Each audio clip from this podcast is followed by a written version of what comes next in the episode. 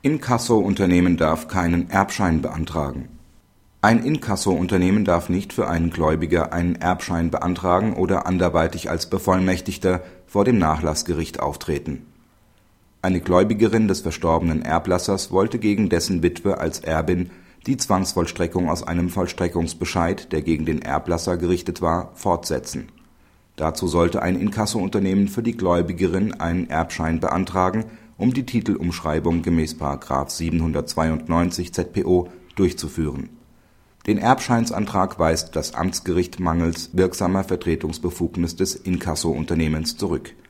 Das Amtsgericht legt die Antragstellung zur Erlangung des Erbscheins dahin aus, dass das Unternehmen in Vertretung der Antragstellerin handelt, denn das Antragsrecht aus § 792 ZPO steht allein der Titelgläubigerin zu.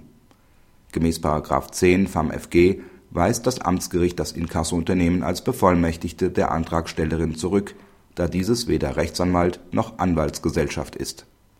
Im Umkehrschluss zu § 79 Absatz 2 Satz 2 Nr. 4 ZPO ist das Inkasso-Unternehmen nicht zur Vertretung seiner Kunden vor dem Nachlassgericht befugt. Für das weitere Verfahren gibt das Amtsgericht der Antragstellerin auf, schriftliche Vollmachten einzureichen, aus denen sich ergibt ob die das Inkassobüro führenden natürlichen Personen wirksam ermächtigt sind, die Antragstellerin im Erbscheinsverfahren zu vertreten. Praxishinweis Der Beschluss des Amtsgerichts schiebt erfreulicherweise allzu umtriebigen Inkasso-Unternehmen einen Riegel vor.